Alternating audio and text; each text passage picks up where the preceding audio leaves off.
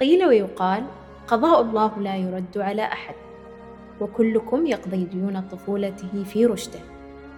فمن ضاق صدره دون سبب وشعر بالألم دون داع فليعلم أنه دين نسيه هو ولا ينساه الديان.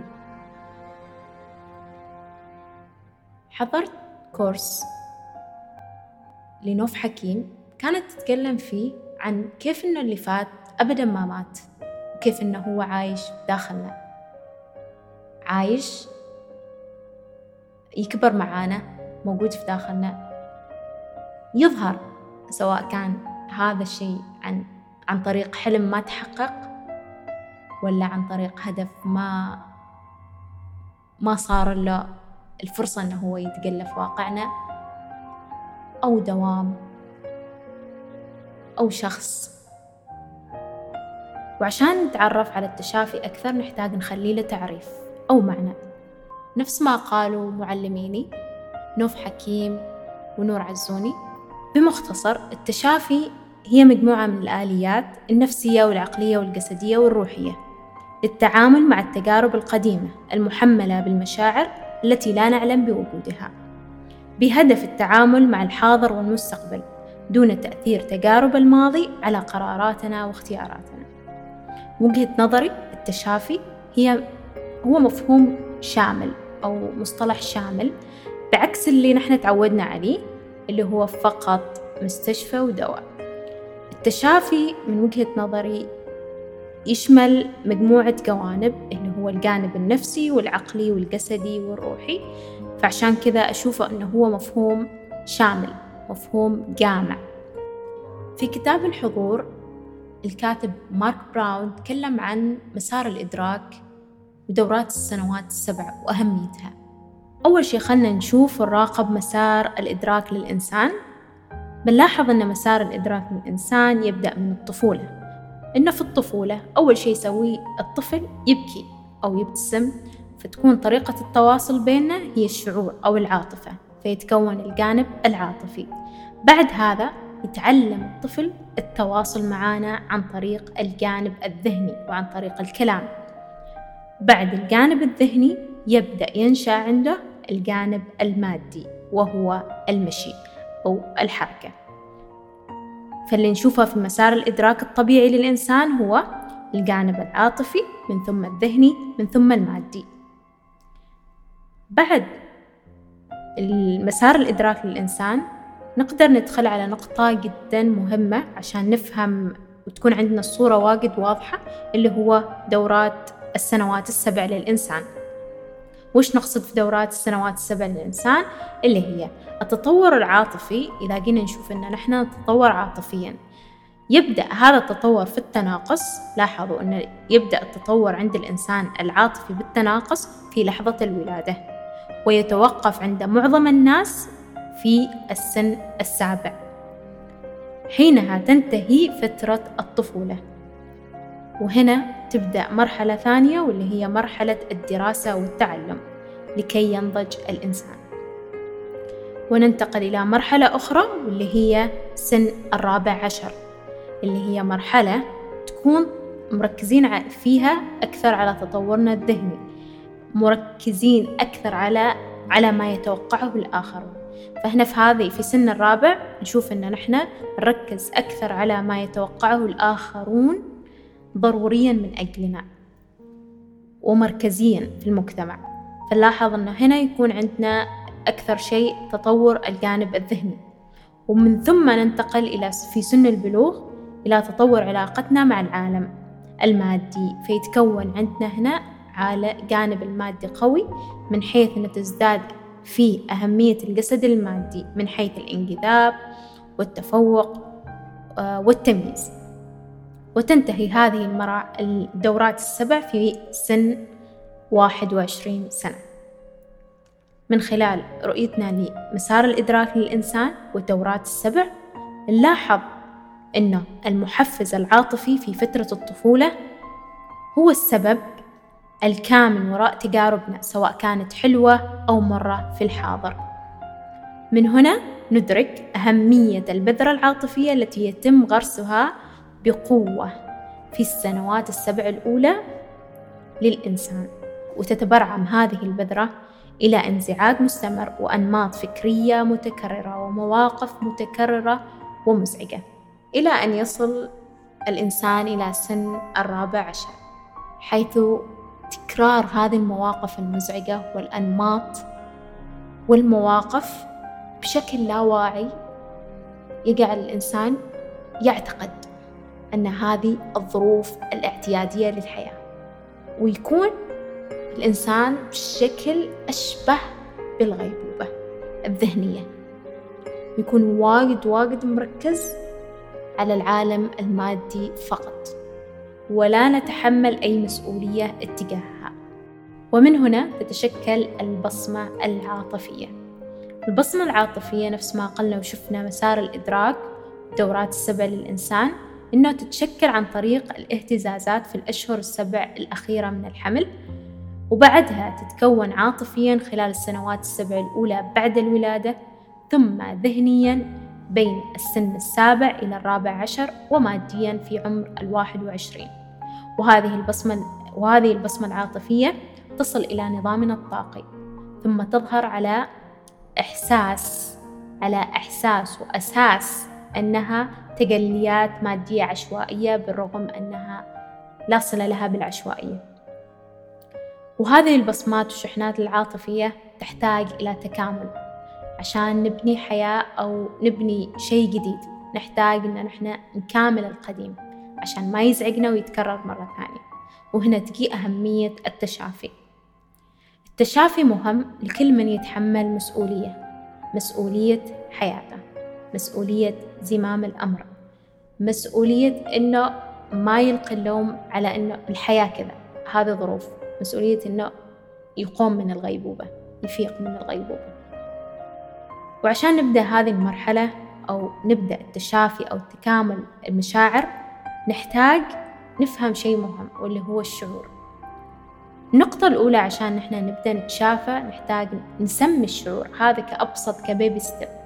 نحتاج إن نحن نسمي الشعور. أول شيء الشعور معظمنا لأنه مثل ما قلنا إن نحن في غيبوبة معظمنا في غيبوبة. فالمعظم ما بيكون عنده إدراك تام في المشاعر بما إنه يحس إنها هي أحداث الحياة الاعتيادية. فبتكون عندنا صعوبة في بداية التشافي فإن نحن نحدد الشعور وش هو اسم الشعور. وهنا ممكن تساعدك عقلة المشاعر. فممكن تساعدك لأنه نحن ممكن بس نعرف شعورين وهو في أكثر من شعور ممكن إن نحن نحسه. فعقلة المشاعر مفيدة جدا عشان تحديد المشاعر. وإيش اسم هذا الشعور؟ نفهم مكان هذا الشعور. هل هو مثلا غضب؟ هل هو حزن في الصدر؟ هل يعني على حسب الشعور اللي أنت تحسه. فإذا مثلا كان غضب مثل ما قلنا ممكن يكون في الجانب الأعلى من الجسم فتحس إنه بدافعية الغضب الضرب أو كذا. فيختلف مكان الشعور ومهم مكان الشعور. بعدها نحدد مصدر هذا الشعور من وين جه هذا الشعور؟ كيف ليش أنا حسيت بهذا الشعور؟ هل بسبب موقف في الحاضر؟ صار موقف تنرفزت ودرجة شعوري وصلت ميتين من مية؟ أو إنه تذكرت موقف في الماضي؟ أو إنه هذا كان حافز إنه هو يذكرني بموقف في الماضي أنا ما تعاملت معاه ويحتاج إني أنا أرجع عشان بس نفرغ الطاقة نفرغ الشعور اللي متخزن عندنا؟ وهنا نشوف من المهم جدا عشان تتحمل هذه المسؤولية إن نحن نوقف هروب نستوعب إن نحن ما قال سي يعني ما نقدر نهرب زيادة الهروب مثل ما يقولوا كبت الطاقة يحتاج طاقة. فأنت عشان تكبت هذه الطاقة تكبت هذا الشعور تحتاج طاقة أضعاف الشعور نفسه. فأنت أصلا ما جالس تهرب. فنحتاج هنا في هذه النقطة إن نحن نوقف الهروب. أمثلة عن الطرق اللي نهرب من خلالها من الشعور. social media عن طريق علاقات عن طريق طلعات عن طريق جمعات عن طريق سوالف عن طريق نشر إشاعات. ممكن. فنختار إن نحن نوقف ونتحمل مسؤولية حياتنا وبعدها نلقي بديل عن هذا الهروب. مثلا في الإحس... لما تحس بإحساس غامر جدا ذكر نفسك إني أنا جالس أهرب وتذكر إن الهروب محطة من محطات التشافي وطبيعي. فذكر نفسك okay أنا لاحظت إني أنا جالس جالس أهرب. فالحين بوقف هذا الهروب وبحتاج إنه مثلا إذا كان ال social media بوقف ال social media أحتاج أنعزل أشوف أنا وش جالس أمر وش الإحساس على الأقل أفهم شعوري. بعدها نشوف الإحساس ونكون لطيفين نشوف الإحساس مكانه. نحس فيه نسمح له إنه هو يكون موجود بدون أي حكم بدون ما يتدخل جسدنا الذهني أو الجانب الذهني منا المنطقي اللي يحاول يمنطق كل شيء. تذكر إن أنت في بدايتك كنت عاطفي ما كنت ذهني. فالذهني الجانب الذهني استولى علينا أكثر. فتحس بالخطر لأنك أنت ما جالس تفهم أنت وش وش الشعور اللي جالس تحسه. وهنا ممكن تستخدم آه توكيدات. ممكن تستخدم توكيدات. فيها تطبطب على نفسك تكون لطيف على نفسك إنه أوكي هي في البداية. تكون واثق في التقنية ممكن إنه لأنه عقلنا ما متعود عليها ممكن إنه هو يحس إنه شيء خطر. فنطبطب على نفسنا نتكلم يعني نكرر التوكيدات اللي ممكن تطمنا وبعد ما نحس بالشعور ونكون حاضرين معاه تماما فكريا حاضرين معاه شعوريا ونحس بالشعور الألم عشان تتكمل الشحنات أو إنه تتحرر هذا الطاقة اللي جالسين إحنا نحاول نهرب منها. لأن في النهاية ما في هروب مثل ما قلت لأن كبت الطاقة يحتاج طاقة. وهذه الطاقة أصلا اللي نحن جالسين نكبتها ممكن تتخزن في جسمنا وعلى قدام ممكن إن هي مثلا تتجه إلى مرض معين بحيث إنه ما تقدر تهرب منه أكثر على قدام. فإما إنك تواجه أو تواجه. بعد ما حسينا الشعور ممكن إنه هنا في هذه النقطة نعبر عن الشعور. ما نهرب نعبر. واختلاف عن الهروب والتعبير النية. نيتي من هذا مثلا الغضب. أنا الحين غضبان. عرفت الشعور عرفت المصدر عرفت المكان. كيف ممكن أعبر عنه؟ هنا أنا أسأل كيف ممكن أني أنا أعبر عن هذا الشعور؟ أخليه يمر من خلالي. مثلا عن طريق أني أنا مثلا أشارك في رياضة قوية. ممكن عن طريق أنه أدخل gym boxing سباحة أضرب مخدة أصرخ أغني بصوت عالي. ممكن هذه هذه طرق عشان إحنا نعبر عن الغضب. ممكن في طرق إنه مثلا حزين أحتاج إنه أصيح أعبر عن حزني بدموع فممكن. ممكن عن طريق الفن الرسم الرقص الغناء. ممكن هذه هذه التقنيات أو الطرق ممكن إنها هي تساعدك في التعبير عن مشاعرك. المهم إنك تكون لطيف مع نفسك تهون على نفسك تعطيه الحضور التام إنك موجود مع الشعور بيعدي بيخلص بينتهي ولو كان الشعور غامر إنه هذا الشيء مستحيل يخلص تأكد إنه بيخلص. وتأكد إنه أكيد أكيد بيخلص. يعني ما لأن صوت الجلاد معظم الأوقات بيطلع في هذه النقطة إنك ما تعرف التقنية ما تعرف اللي أنت قاعد تسويه فممكن تظهر. وهنا تأكد إنه هو ما وقت جوال ما وقت تليفون ما وقت آه، تتخذ قرارات ما وقت إيجاد حلول للشعور. إني مثلا أنا تو أحس بهذا وش الحل؟ عادي حسه ما في حل. كل شيء تحتاجه بيجيك في الوقت المناسب. كل شيء ما تحتاجه ما موجود عندك فما تركض وراه. كل شيء موجود كل شيء تحتاجه بيجيك.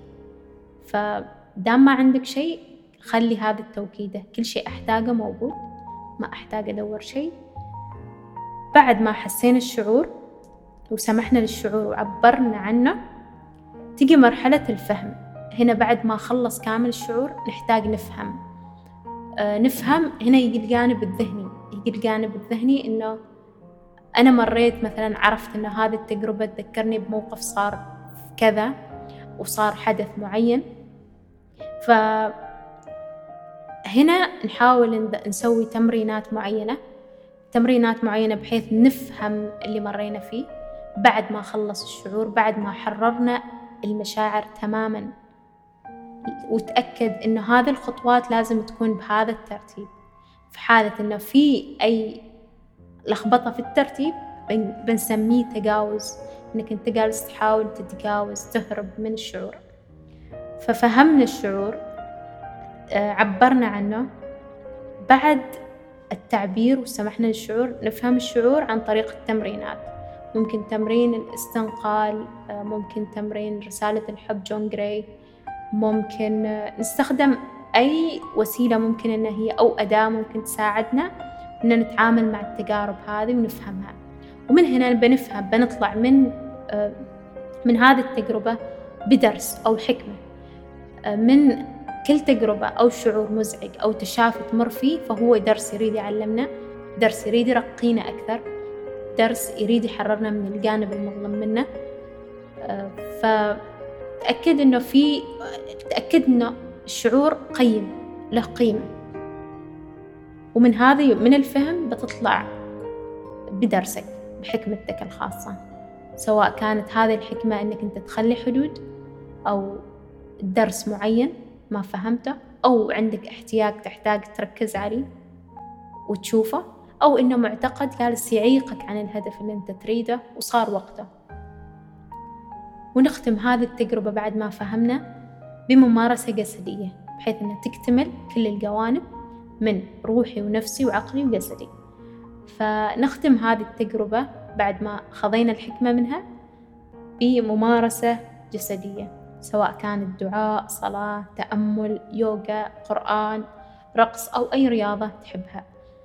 فنشوف إنه هي عملية التشافي هي مرحلة يعني خطوات معينة ملخصة ولكن ما نقدر إن نحن نتحكم في وش بيطلع لنا. نحن بس نقدر نتحكم بالطريقة اللي نحن بنتعامل مع الشيء اللي بيطلع لنا نكون واثقين متأكدين إنه الله ما بيطلع لنا شيء في طريقنا إلا ونحن قادرين له. إلا وصار وقته نحتاجه في هذا الوقت. نحتاج إن نحن نتعامل معاه وأي شيء بتحتاجه بيطلع لك في وقته. أي شيء بتحتاجه بيكون موجود. وأي شيء ما تحتاجه ما موجود فما تحتاج إنك أنت تدور عنه زيادة.